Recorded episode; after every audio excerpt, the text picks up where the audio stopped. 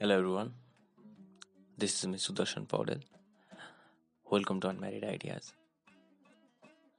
यति बेला कसैलाई उसको खबर सोध्नु? सायद उसलाई गिज्याउनु जस्तो हुन्छ होला। हामीहरूमध्ये केहीको खबर ठिकठाकै होला जसो तसो चलिरहेको होला केहीको हालत खराब होला। तर कसैको पनि हालखबर सामान्य वा राम्रो भने छैन। हामीहरू यति बेला तेस्रो लकडाउनमा छौँ। अघिल्लो वर्ष लकडाउन सुरुमा लागु हुँदाखेरि अब एक महिना घरभित्र थन्किएर बस्नुपर्ने भयो। के गर्नु एक महिनासम्म?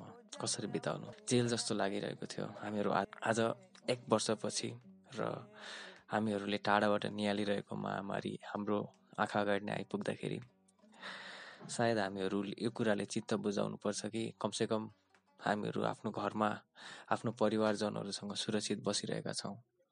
न कि कुनै अस्पतालको बेडमा अथवा अस्पतालको कुनै कुनामा अक्सिजनको अभावमा बेडको अभावमा आफन्तजनहरूसँग भेट्न मन लागेर पनि चाहेर पनि नभेट्ने अवस्थामा बस्नु परिरहेको छैन। लकडाउन चलिरहँदाखेरि यति बेला अब मेरो चाहिँ पढाइ चलिरहेको छैन अथवा पढाइ भयो भने पनि बिहान दुई घन्टा हुने गर्छ जस्तो बहिनीहरूको। त्यसपछि बाँकी रहेको समय कसरी बिताउने? सिङ्गो दिन हामीसँग छ। त्यो कन्टेम्प्लेसन गर्दाखेरि मलाई एउटा आर्ट्सको स्टुडेन्ट भएकोमा चाहिँ गर्व लाग्छ। किनभने यति बेला हामीसँग किताब हुँदैन थियो भने फिल्म हुँदैन थियो भने गीतहरू हुँदैन थियो भने हामीहरू I know what would be doing मलाई अहिले जस्तो म जुन ठाउँमा छु त्यहाँ चाहिँ एकदमै कडा लकडाउन लगाइएको छ। बिहान पाँच बजीदेखि नौ बजीसम्म महत्त्वपूर्ण अति आवश्यक किन् किनमेलको लागि घर बाहिर निस्किनु बाहेक हामीहरूलाई निस्किन प्रतिबन्ध छ। र यति बेला म आफ्नै घरबाट बजारमा अथवा चोकमा ननिस्किएको पनि एक हप्ता भइसक्यो। तर because of arts because of books cinemas म विश्व घुमिरहेको छु। आज आज हिडुलमा प्रतिबन्ध लगाइएको समयमा अनिवार्य मास्क लगाउन जारी गरिएको समयमा हालाकि यो भनेको हामीहरूकै सुरक्षाको लागि हो भन्ने कुराहरूमा हामीहरू विश्वस्त छौँ।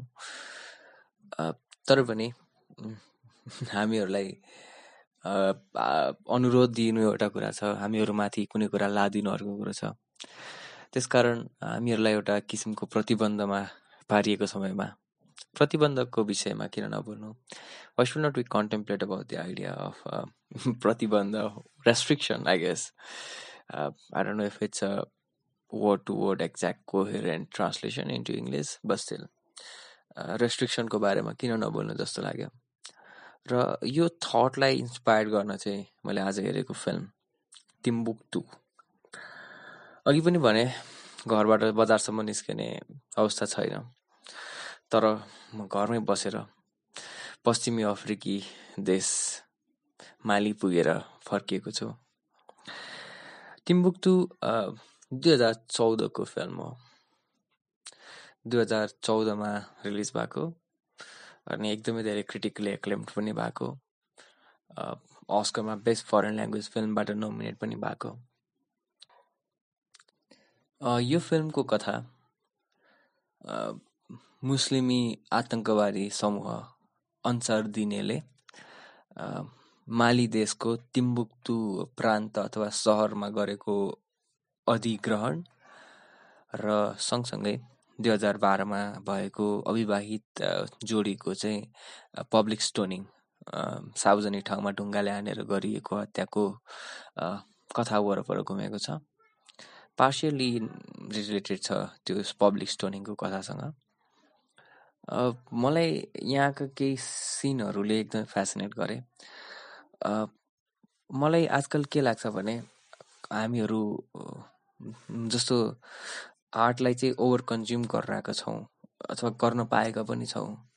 किनभने पहिला टेलिभिजनमा जे आउँथ्यो त्यो नै अल्टिमेट ट्रुथ हुन्थ्यो। हामी ससिङ रिडेम्सन र फास्ट एन्ड फ्युरियसमा चाहिँ एउटा चेतनाले चाहिँ बौद्धिक तरिकाले तिनीहरू बिचको फरक र उनीहरू बिचको चाहिँ केही हदसम्म महत्त्व पनि छुट्याउन सक्दैनथ्यौँ तर अहिले हामीहरू आर्टहरू एकदम धेरै कन्ज्युम गर्न पाइरहेको छौँ र जसले गर्छौँ हामीहरू जसले बढी फिल्म हेर्छौँ जसले बढी गीत सुन्छौँ जसले बढी किताब पढ्छौँ होइन? ज जसले पढ्छ आफ्नो रुचिको कुरा हो। अनि यो गरेर रहँदा मलाई चाहिँ अहिले के रियलाइज भइरहेछ भने most of the sets we are like presented with is average अब हाम्रै देशको कुरा गर्ने भने त त्यो एभरेजको र टप टियर प्रडक्ट र एकदमै डग सिटको बिचको त्यो जुन ग्याप छ त्यसमा त एभरेजभन्दा बढी डग सिट धेरै छ होला but still on a large scale average is in number rather than like top tier film, books, music or dog shit film, books, music. र यसकारण म चाहिँ आजभोलि फिल्महरू कथ किताबहरू किन पढिरहेको छु भने? हरेक फिल्ममा हरेक किताबमा केही न केही एउटा यस्तो कुरा चाहिँ हुन्छ। जुन एकदमै आउटस्ट्यान्डिङ हुन्छ। र मलाई लाग्छ कतिपय अवस्थामा त्यो फिल्महरूको कन्सेप्ट त्यो फिल्महरूको आइडिया अथवा चाहिँ त्यो फिल्मको कथा सुरुवातमा लेखकले चाहिँ त्यो प्रसङ्गको बारेमा सोचेको हुन्छ। र अन्य कुराहरू चाहिँ त्यही प्रसङ्गलाई कसरी देखाउने भन्ने कुस हुँदाखेरि आउँछन् होइन त्यो प्रयत्न हुँदाखेरि ब्रेन स्ट्रोमिङ हुँदाखेरि। जस्तो मलाई गजल लेख्दाखेरि हुन्थ्यो पहिला। गजलहरू लेख्दाखेरि एउटा शेर चाहिँ एकदमै खतरा आउँथ्यो दिमागमा। एउटा शेर इज लाइक मार डाला टाइपको हुन्छ नि like this is going to tear down the roof हुन्छ नि। People are going to go crazy over it टाइपको अनि त्यसपछि त्योलाई एउटा मात्र शेरले त गजल बन्दैन। कम्तीमा पनि तिनवटा चाहियो। त्यो भइसकेपछि अनि okay add the cell okay यसको मतला के हुनसक्छ यसको अब ओके देश देश देश एनिवेज फिल्महरूको केसमा पनि मलाई त्यस्तो लाग्छ। र यो तिम्बुक्तु फिल्म हेर्दाखेरि पनि there are some scenes there are some imageries that stood out to me र आज प्रतिबन्ध विषयको वरिपरि बसेर बोल्दाखेरि चाहिँ I think it would be good to actually go into those things तपाईँले पृष्ठभूमिमा सुनिरहनु भएको गीत भनेको चाहिँ टिम्बुक्तु फिल्मकै एउटा एउटा समयमा आउने कुरा हो। यसको कथामा पसेर बोल्दाखेरि राम्रो होला। सो एन्सर दिने अनुसार दिने अथवा एन्सर दिने त्यो जुन रेडिकल इस्लामी समूह छ जसले जिहाद अथवा सरियालाई चाहिँ इन्फोर्स गराएको छ टिम्बुक्तु सहर अथवा प्रान्तमाथि त्यो आतङ्कवादी समूहले चाहिँ त्यहाँ भएका महिलाहरूलाई बुर्खा लगाउन लगायो। त्यसपछि गएर चाहिँ महिलाहरू एक्लै घर बाहिर ननिस्कन लगायो। हुँदा हुँदा उनीहरूले ग्लोभ्स पनि लगाउनु भन्यो र हुँदा हुँदा चाहिँ अब महिलाहरू गीत पनि नगाउनु भन्यो होइन? अनि यी कुराहरू बिस्तारै बिस्तारै चाहिँ झन् रिन्फोर्स भइरहेको छ। फुटबल पनि खेल्न दिएको छैन। जो व्यक्तिहरू कानुनलाई मान्दैनन् उनीहरूको आदेशलाई मान्दैनन् उनीहरूलाई चाहिँ घुमाउरो तरिकाले पनि सजाय दिइएको छ र कतिपय अवस्थामा चाहिँ सिधा सिधा पनि सजाय दिइएको छ र आवश्यकता परेको खण्डमा उनीहरूलाई सजिलो पार्नको लागि मुस्लिम अथवा इस्लाम धर्मको कानुनहरू पनि आफैले बङ्गाएर आफ्नै बुझाइ अनुसार इट इज गड्स विल भनेर आफ्नै इच्छालाई थोपर्ने काम पनि गरिएको छ। फिल्ममा चाहिँ यसरी मानिसहरूका स्वतन्त्रताहरूलाई चाहिँ बिस्तारै प्रतिबन्ध लगाउँदै आइएको छ। मान्छेको केसमा के हो भने उसलाई यदि स्वतन्त्रता कहिले चिनेको छैन भने उसले स्वतन्त्रताको सपना देख्दैन। तर तपाईँले उसलाई स्वतन्त्रता देखाउनु भएको छ चिनाइसक्नु भयो भने चाहिँ उसले कतै न कतैबाट स्वतन्त्र हुने बाटोहरू चाहिँ खोज्न थाल्छ जस्तो मलाई लाग्छ। र यहाँ पनि त्यस्तै हुन्छ। फुटबल खेल्न प्रतिबन्ध लगाइन्छ। उनीहरू काल्पनिक फुटबल खेल्छन्। फुटबल बलको अनुपस्थिति हुन्छ। बल मैदानमा कतै पनि देखिँदैन तर उनीहरू इमेजिनेरी पास गर्छन् इमेजिनेरी गोल गर्छन् इमेजिनेरी फल गर्छन्। त्यो एउटा सिन एकदमै इम्प्रेसिभ लागेको थियो। तपाईँले ब्याकग्राउन्डमा सुनिरहनु भएको गीत तिम्बुक्तुको बारेमा एकजना त्यहीँको स्थानीय महिलाले गाएको गीत हो। उनीहरू साँझको समयमा घरमा बसेर गाइरहेका हुन्छन् गीत त्यतिकैमा त्यो अनुसार दिनेका सिपाहीहरू आउँछन् र उनीहरूलाई समातेर लैजान्छन्। त्यसपछि उनीहरूलाई त्यही टेरोरिस्टहरूले नै आफ्नो एउटा कोर्टमा चाहिँ फैसला सुनाउँछन्। चालिसवटा कोर्राको र महिलालाई ती महिलालाई कोर्रा हान्न थालिन्छ। कोर्रा हान्ने बेलामा जब आफ्नो के अरे दुखाइ असह्य हुन्छ ती महिला फेरि आफ्नो दुखाइलाई चाहिँ सहनको लागि गीत गाउन थाल्छन्। र त्यही जो व्यक्तिलाई गीत गाउनको लागि सजाय दिइयो गीत गाउन प्रतिबन्ध लगाएकै कारण उनले गीत गाउन पाएनन् र गाएकै कारण उनी सजाय भोगिन्। सजाय भोगिरहेकै बेलामा सजाय सहनकै लागि फेरि उनले गीत गाइरहे सो त्यो सिन एकदमै कारुणिक थियो त्यो सिन एकदमै इम्प्रेसिभ थियो। ओके अनदर इक्जाम्पल जस्तो यहाँ नै म जहाँ बस्छु। त्यहाँ सुरुवातमा एक हप्ताको लागि चाहिँ निषेधाज्ञा मात्र लगाइयो। त्यो भनेको पनि एक किसिमको सफ्ट प्रतिबन्ध थियो। निषेधाज्ञामा पनि म आफै आफ्नै तरिकाले साइकल लिएर एक्लै कसैसँग पनि कन्ट्याक्ट नगरिकन मजाले डुलिरहेको थिएँ। डुलिरहेको थियो भन्दा नि अब नट अमङ पिपुल लाइक न सेक्लुडेड प्लेस तर एक हप्ताको अन्त्यमा फेरि अब केसहरू त अब कन्ट्रोल गर्न सक्यो पो कन्ट्रोल हुन्थ्यो। यसो गर्दा पनि रोकिएन कडा लकडाउन गर्ने। अर्थात् उनीहरू पहिला सुरु त्यो ढोकामा आफ्नो खुट्टा हाले त्यसपछि दैलो लगाउन औलो लगाउन पाइएन। त्यसपछि उनीहरूले कोठ ढोका नै भत्काउन थाले। प्रतिबन्धको केसमा पनि मलाई त्यस्तै लाग्छ। जबसम्म चाहिँ यदि यो पावर र शक्तिको कुरा हो भने सक जति सक्दो अरू त्यो अपोजिट चाइल्डले रिटालिएसन गर्दैन तबसम्म उनीहरू पेरि नै रहन्छन् पेलि नै रहन्छन् पेल रहन्छन्। फिल्मको सुरुवाती सिनले मेरो कुरालाई अझ बढी स्पष्ट पार्ला। टिम्बुक्तुको सुरुवात फिल्मको अन्त्यको भागलाई चाहिँ सबभन्दा सुरुमा देखाएको छ। सानो पार्टले मात्र it will not spoil the ending एउटा जिपमा अथवा भ्यानमा पछाडि चाहिँ सबजना सोल्जरहरू चाहिँ टेरोरिस्टहरू उभिएर अनि त्यो चाहिँ गएर बन्दुकले चाहिँ ताक्दै होइन एउटा मृगलाई लखेटिरहेका छन् डेजर्टमा। अनि त्यो मध्येबाट एकजनाले भन्छ कि गोली नहान गोली हान्नु होइन। यसलाई थकै थकै मार्ने हो। भाग्न चाहिँ दिने गोली नहान्ने। यसैलाई तपाईँले सोच्नुभयो भने फ्रिडम हामीहरूलाई फ्रिडम दिए जस्तो लाग्छ। त्यहाँ पनि फ्रिडम त छ तर थकाइएको छ मानिसहरूलाई सम्मिस सम्मिसित पारिएको छ। उनीहरू आफैले नियम लगाएका छैनन् भगवान्को नियम भनेका छन् अल्लाहको नियम हो भनेका छन्। अनि त्यसपछि गएर आफ्नै विल चाहिँ थोपरिरहेको छन्। अब बुर्का लगाऊ त्यसपछि पन्जा लगाऊ त्यसपछि घरबाट ननिस्क त्यसपछि गीत नगाऊ त्यसपछि चुप लाग फोन नचलाऊ। थकाइ थकाइ मारिरहेछन् गोली हानिरहेछन्। इट्स फकिङ अब्सर्ड हिपोक्रेसीकै कुरा गर्ने हो भने पनि ती टेरिस्टहरू जो फुटबल खेल्न दिँदैनन् फुटबललाई प्रतिबन्ध लगाउँछन् उनीहरू आफ्नो एकान्त समयमा एकअर्का बिचमा मेस्सी र जिदानमा को दामी खेलाडी थियो फ्रान्स र अर्जेन्टिनामा अथवा फुटबलको बारेमा एकअर्कासँग चाहिँ बहस गरिरहेको भेटिन्छन्।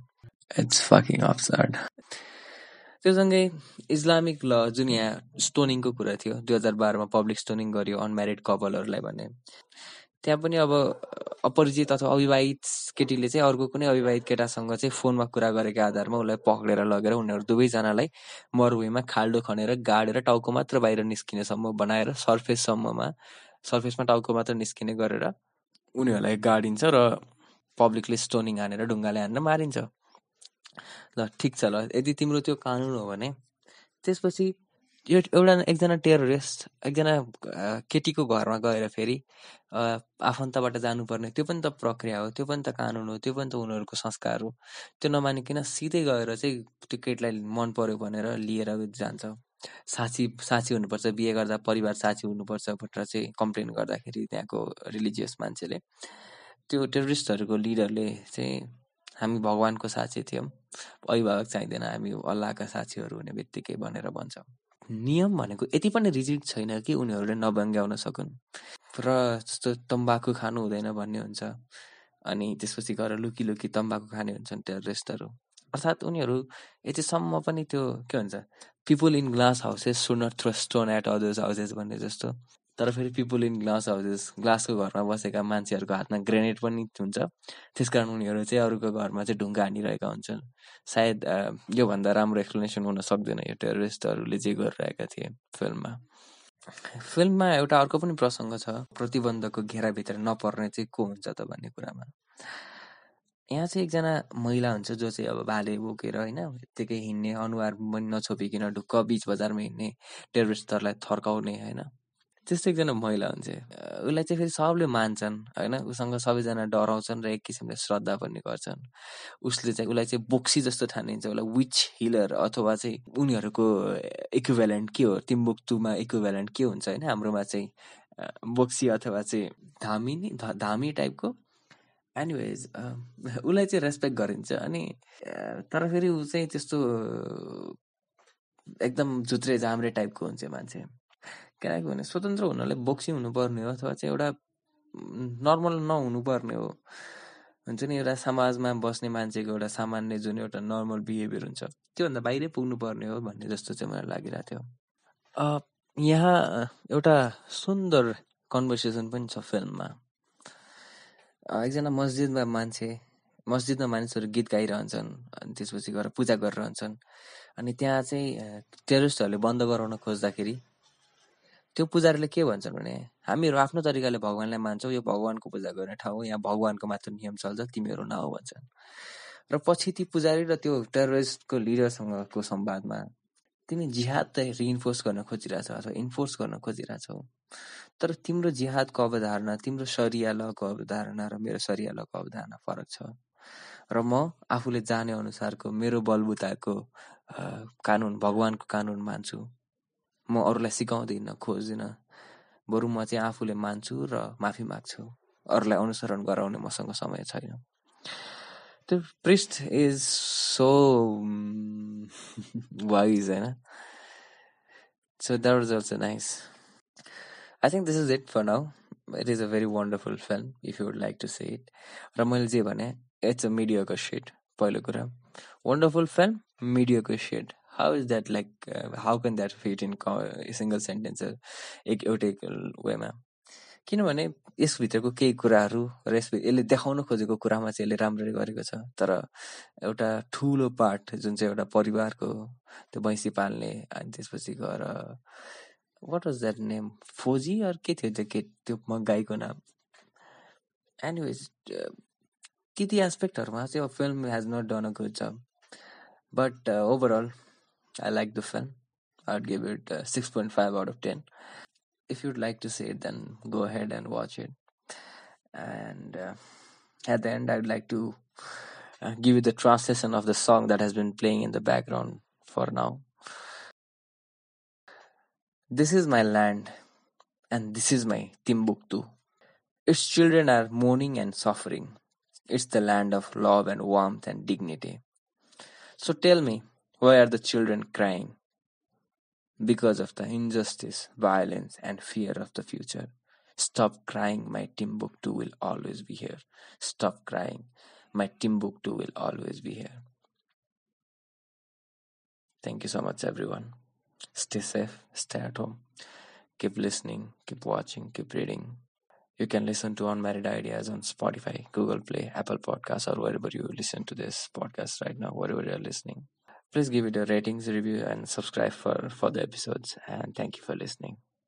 Bye bye.